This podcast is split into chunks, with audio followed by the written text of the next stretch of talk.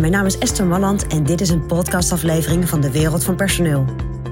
In mijn podcast deel ik graag mijn ideeën met je om op een slimme en simpele manier met je personeel om te gaan.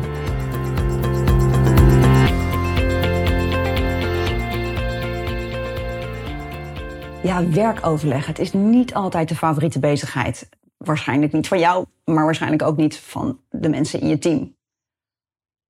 En ik heb een idee hoe dat toch ook een beetje komt. Want wat ik toch ook heel vaak merk, is dat zo'n werkoverleg plaatsvindt. Er worden eigenlijk best wel heel goede, zinvolle dingen besproken. En dan gaat iedereen gewoon weer terug aan het werk wat al op zijn bureau lag of wat hij ergens anders in je bedrijf doet. En wat je dan mist, is dat er uiteindelijk na dat werkoverleg acties worden genomen door medewerkers. Of door jou. Dus wat ik eigenlijk mis, is dat er dan in zo'n werkoverleg ook heel bewust wordt stilgestaan. Oké, maar als we dit gaan doen, wie gaat dan welke actie nemen? En wanneer willen we graag dat dat afgerond is? Probeer eens even te bedenken, hoe is dat bij jou? Hoe zit het bij jouw werkoverleggen? Hebben jullie na zo'n werkoverleg gewoon een hele duidelijke actielijst? Bespreken jullie ook echt bij elk punt of er een actie uit voortvloeit? Of vinden jullie het wel logisch dat iedereen dat voor zichzelf bedenkt? En op het moment dat je dan later weer een werkoverleg hebt, check je dan vooraf eventjes of iedereen zijn acties wel heeft gedaan.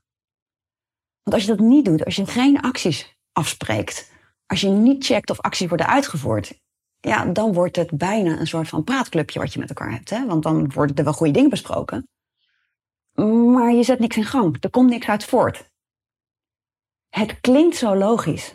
Maar in de praktijk zie ik toch dat het echt weinig gebeurt. Dat er uit een werkoverleg actiepunten voortkomen. Oké, wat doe jij? Wat doe ik? Wanneer hebben we het gedaan? Maar als jij dan, zorg jij dan zus? Nou, zo simpel. Dus elk onderwerp wat je bespreekt tijdens een werkoverleg, bedenk even, komen je acties uit voort?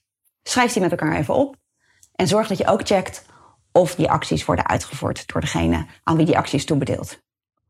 Dat maakt je werkoverleg zoveel krachtiger, maar het zorgt er ook voor dat er beweging in je bedrijf blijft. En dat mensen ook zich nuttig voelen als ze tijdens zo'n werkoverleg uh, aanwezig zijn, want ze weten dat het ertoe doet. Dat je met elkaar over zinvolle dingen praat en dat er ook dingen uit voortvloeien.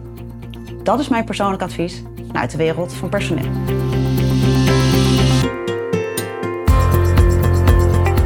Wil je ontwikkelingen in de wereld van personeel blijven volgen?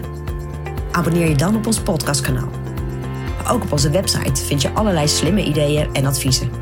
Dus kijk even rond op www.dewereldvanpersoneel.nl.